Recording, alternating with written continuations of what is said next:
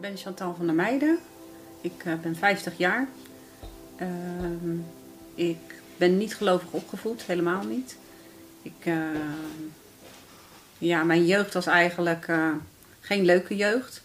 Ik werd ook heel veel gepest omdat ik op jonge leeftijd epilepsie kreeg. En nou, alleen daarom werd ik natuurlijk ook gepest. Maar ook, ja, wij kwamen nou niet ook uit een gezin, ja, wat ik maar zeg, dat waar alles voor het grijpen lag en zo. Dus uh, op school geen leuke schooltijd gehad. Zelf heel, ja, groot. Het zelfbeeld was heel laag eigenlijk. Ja. En uh, nou ja, ook een hele, nare jeugd eigenlijk gehad. Daar ga ik niet ver op in. Maar wat ik wel kan zeggen is dat ik kreeg wel als kind van iemand kreeg ik een, uh, een, een kinderbijbel. En uh, dat vond ik heel bijzonder. Daar heb ik wel in gelezen. En ik kan me nog wel herinneren dat ik ooit eens naar de hemel keek en dat ik dacht van nou, als u bestaat, weet u, uh, nou ja, laat dan maar zien. Maar nooit wat mee gedaan.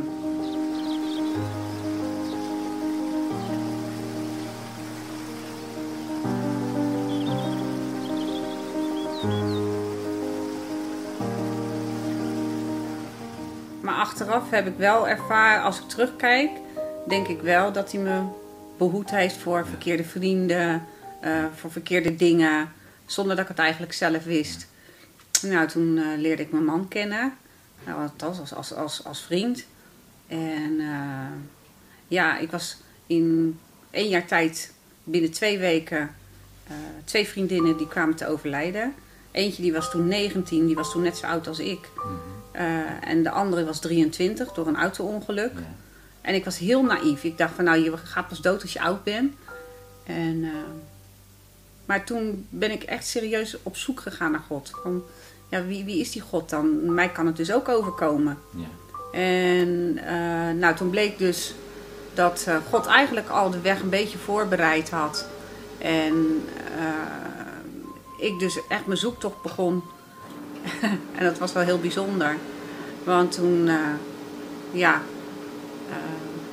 Henk, mijn man dus, die, uh, die liet mij altijd met vragen komen.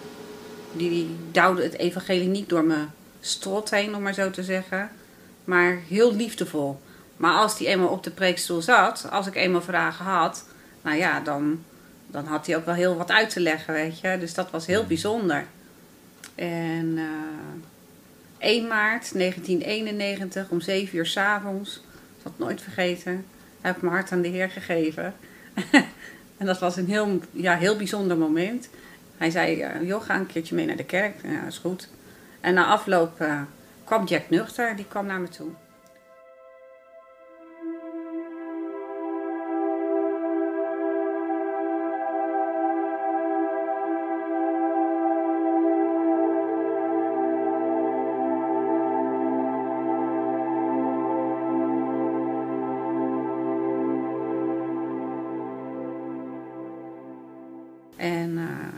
Gesprek ging echt zo, hè. Die zei van, uh, nou, wat je van de dienst? Ja, mooi.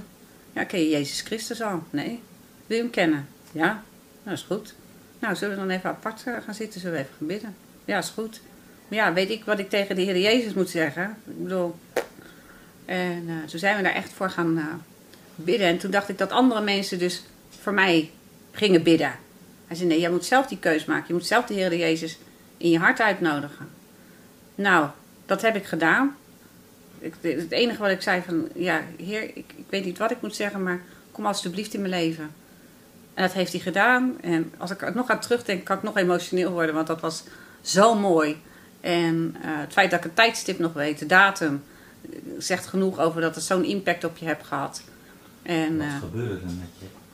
Nou, eigenlijk niet als waar mensen het altijd over hebben, zo ja. van een halleluja gevoel of weet je, happy peppy of wat dan ook.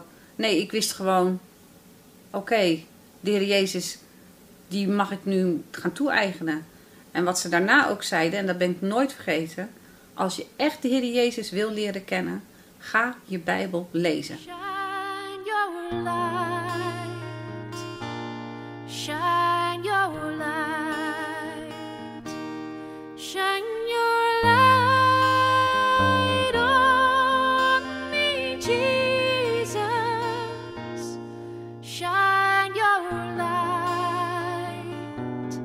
Shine your light, shine your light on me, Jesus.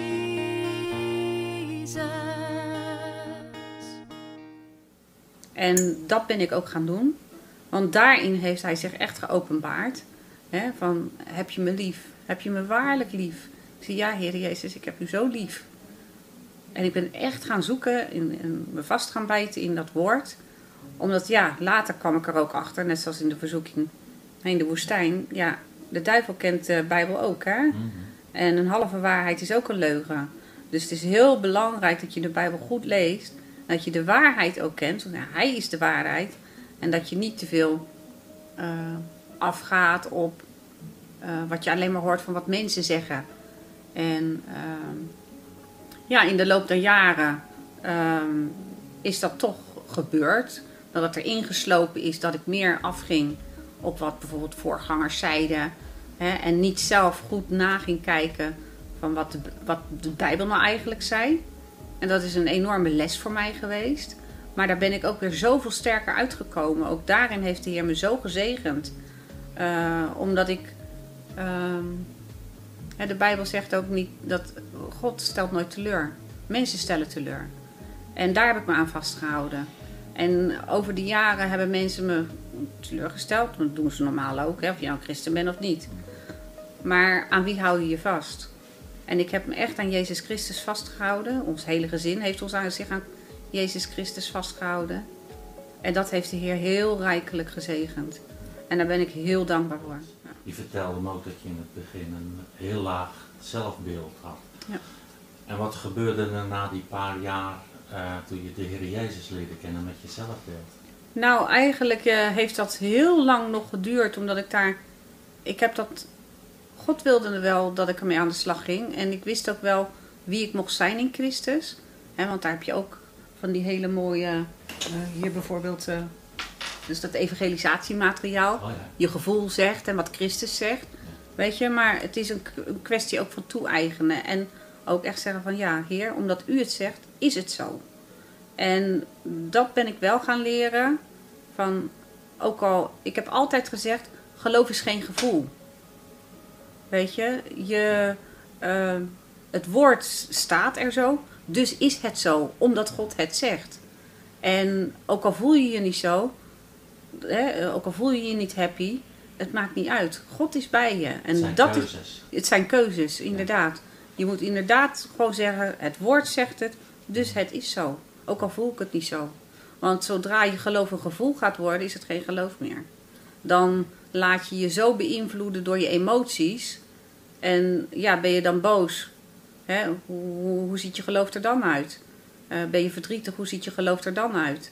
Nee, het gaat er juist om dat je in die rotte tijden... dat dan je geloof je houvast mag zijn.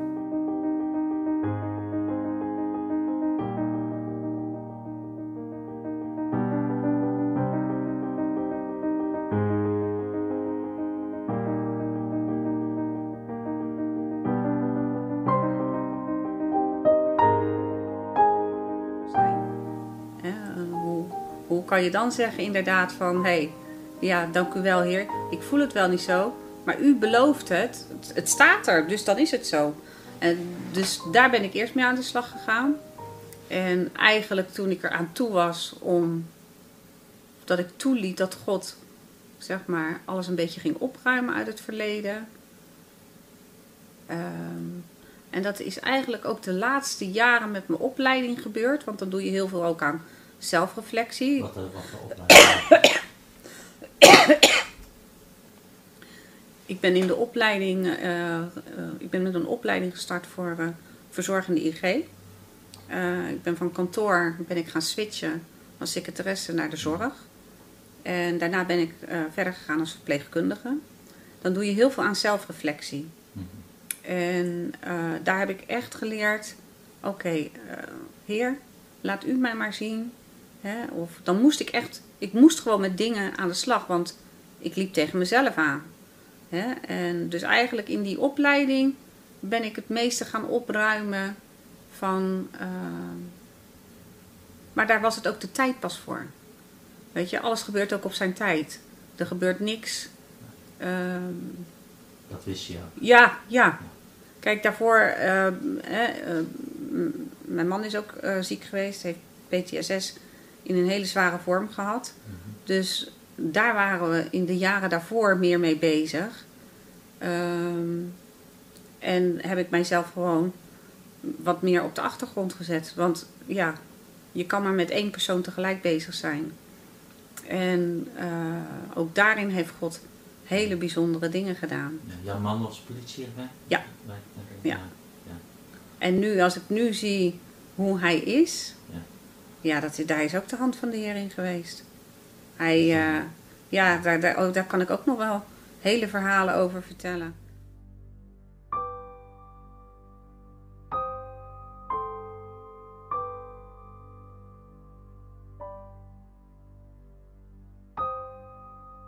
Ik heb ook nog jaren mijn schoonvader in huis gehad en voor gezorgd.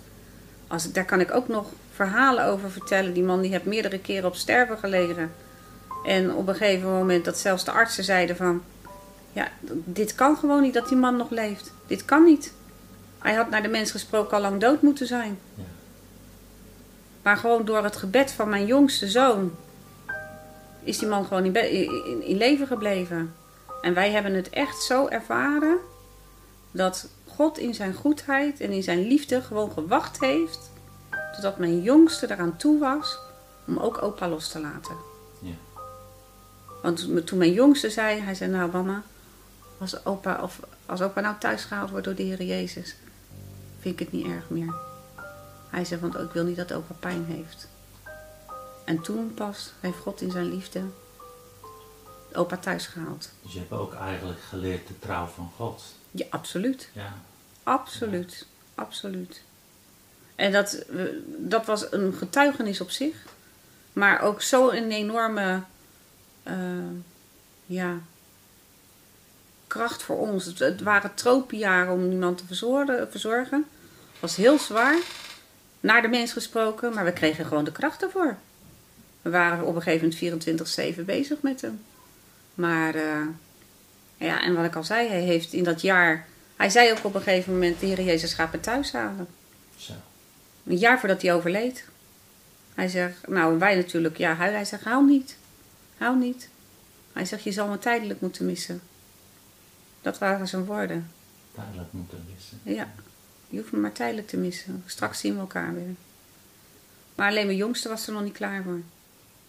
En hij heeft dus, wat ik al zei, meerdere keren op sterven gelegen.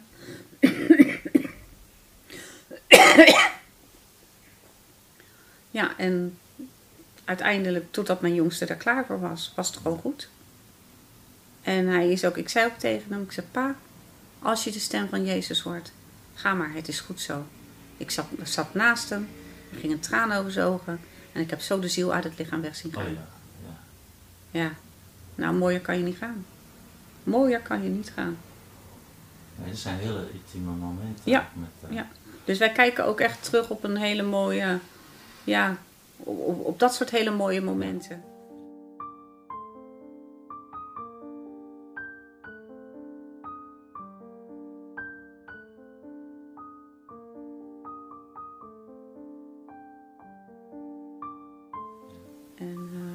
Ja, alleen ja, nu ben ik dan zelf ziek.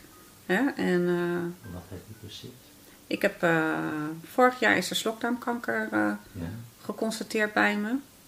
En ik had 5% kans om het te krijgen, want ik had daarvoor al een, zeg maar, een ziekte aan mijn, aan mijn slokdarm.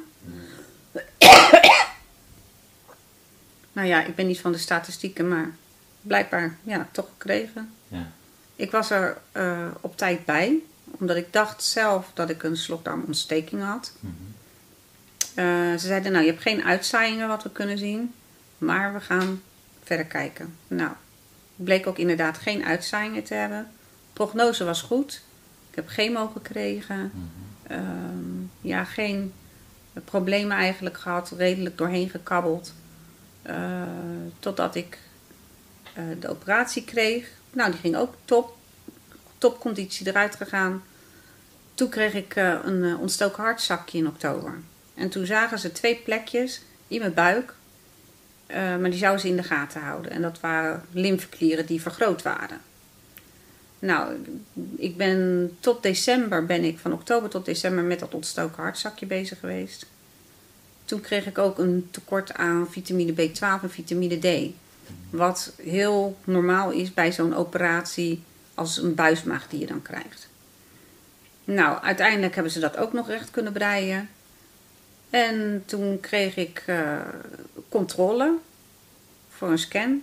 En toen zei ik, ik wil graag kijken of er iets van kanker zit. Want ja, hè, nou, zij kijken.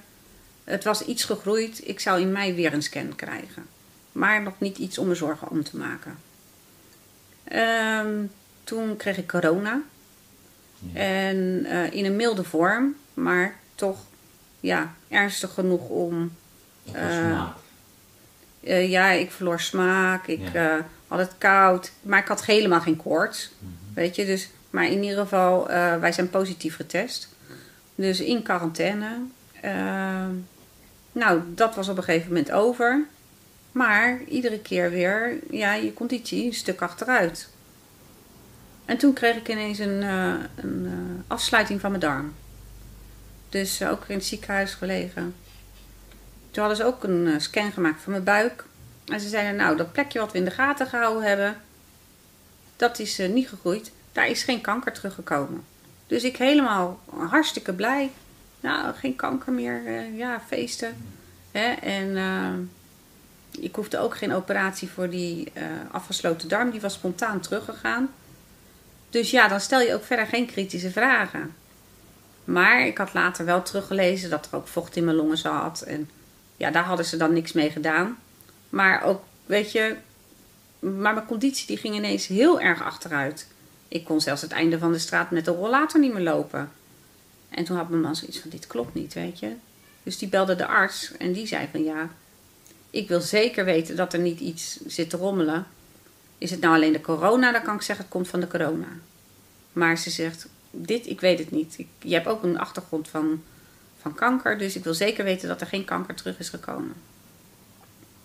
Nou, toen eh, heeft ze overleg gehad met de specialist. En toen kreeg ik een PET-scan. En toen bleek ik eh, van mijn bekken tot aan mijn nek vol met uitzaaiingen te zitten. Dat zelfs de specialist hier heel erg van schrok. En dit dus echt dus niet verwacht had. Want ze hadden nog wel wat plekjes in mijn buik ja, gezien. Maar dat was heel normaal. Wild vlees kon dat zijn. En daar konden ze met een kijkoperatie niet bij. Want dan kunnen ze pas met een kijkoperatie zeggen of dat ja, zeg maar verkeerd vlees is of niet.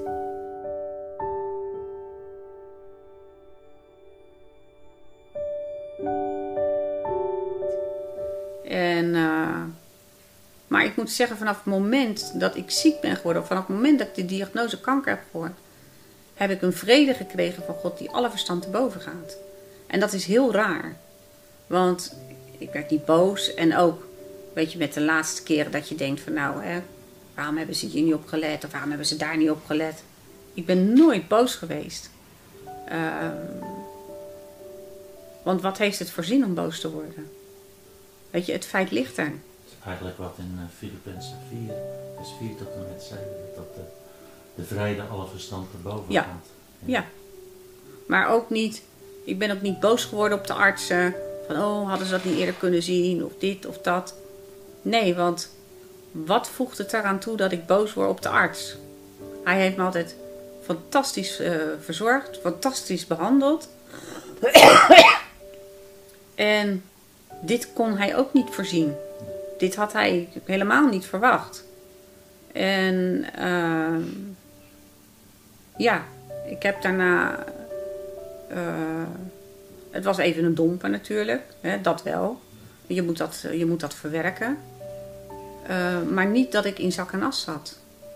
En eh, ik had zoiets van, nou, we gaan gewoon het tra- traject in van, ik ga de behandeling in. Hè, en we zien wel wat de Heer gaat doen. Totdat ik voor het, eh, ik zou een botpunctie krijgen. Ik zou chemo krijgen en in dat weekend werd ik heel ziek. Echt heel erg ziek. Eh, en ik heb altijd gehad dat als ik eenmaal moet braken, dan blijf ik braken en kan ik niet meer stoppen. Dus ehm, ja, dat weekend was ik zo ziek dat ik zei van nou, weet je, dit eh, gaat het niet worden. Ik had de arts gebeld, overleg ook gehad en mijn conditie was zo slecht. Ze zegt, hoe sta jij nu in de chemo? Ik zei, nou, ik wil sowieso die botpunctie wil ik eh, cancelen, want ik kan niet plat liggen. Ik kan niet op mijn zij liggen. Eh, als zij moeten gaan prikken, moeten ze dat meerdere keren doen. Wat zeer pijnlijk is. Dus dat wil ik niet. Ehm, en ook daar had ik ook helemaal niet zo er, zoiets van... Het is erg als je het niet doet, weet je. Eh, dat was goed zo. Dat is goed. Dat was goed. En ook de chemo, toen zei ze, hoe sta je daarin? Ik zei, nou, als je me nu al met medicijnen staande moet houden... om die ook in het afbouwschema zitten... wat blijft er dan nog over? Ja, niet veel. Eh, toen zei ze, er bestaat een kans... als we dan aan de chemo beginnen... dat je over twee weken je begrafenis hebt. Ja, wilde ik dat? Nee, het was voor mij gelijk duidelijk. Nee, dat wil ik niet.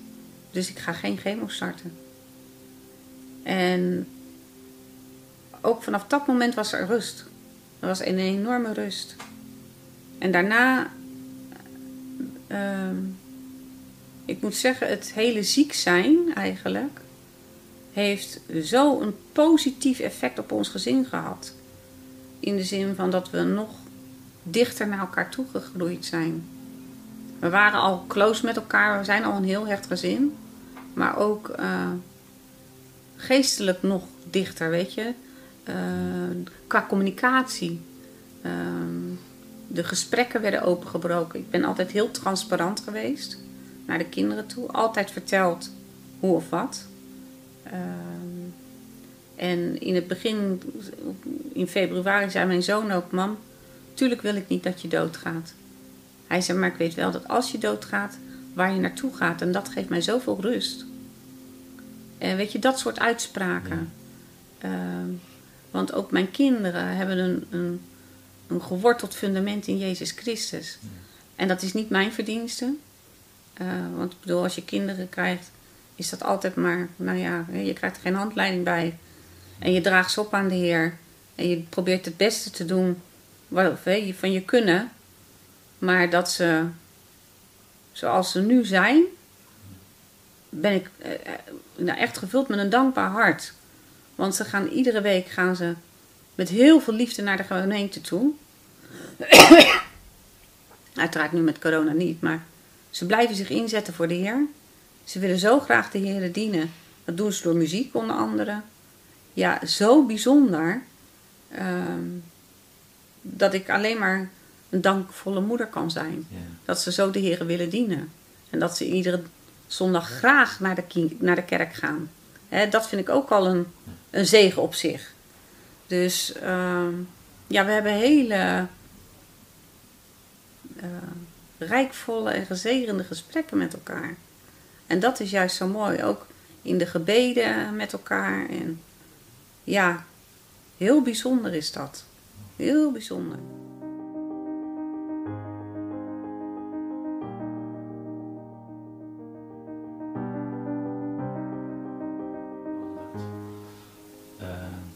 Wat zou jij de mensen nog willen zeggen die, die hier straks naar gaan kijken ook?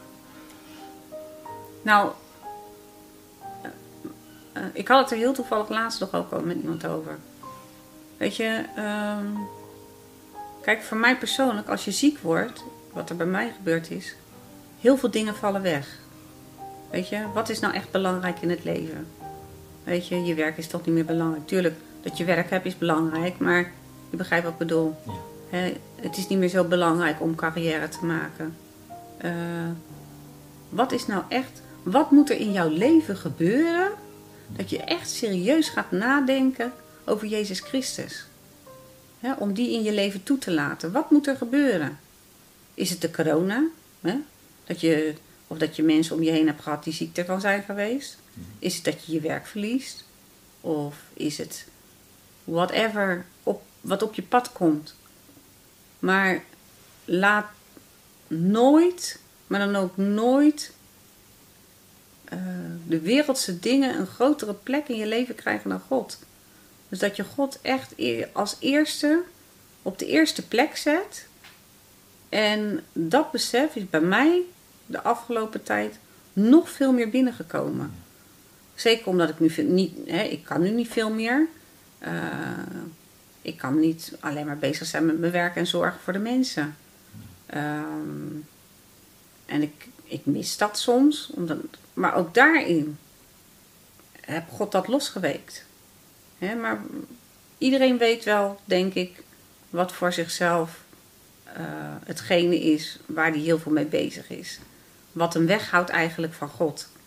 En de Bijbelversen gaan nog meer tot mij spreken als het gaat om de wereldse dingen. Weet je, ja, is je computer belangrijk? Of eh, wat is nou belangrijk? Je auto. Ja, kom op zeg, weet je.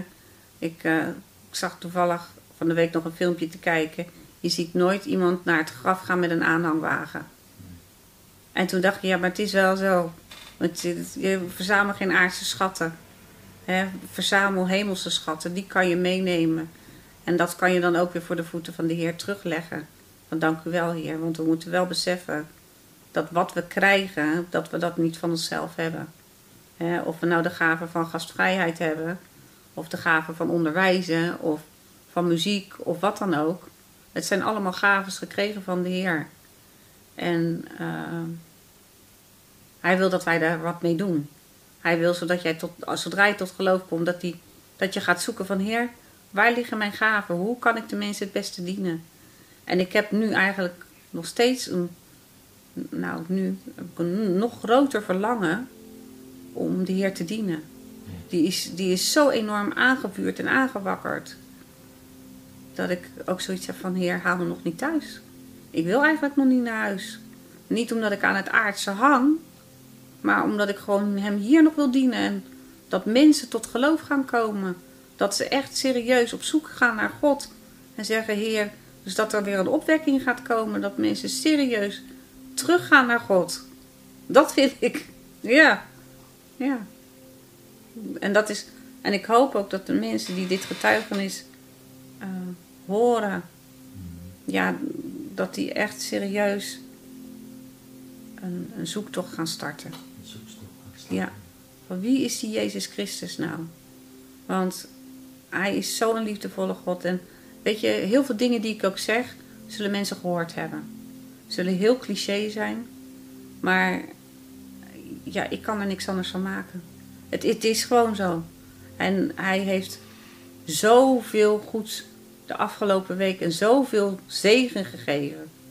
Het, ja, daar kan ik alleen maar over ja, hem de, de lof en eer vergeven. Dus ja. Jezus Christus lijf. Amen. Dat kan ik alleen maar zeggen. ja. Ik wil je hartelijk danken voor dit uh, bijzondere gesprek ook. Ja, graag gedaan. Graag gedaan. Elk uur, elk ogenblik steun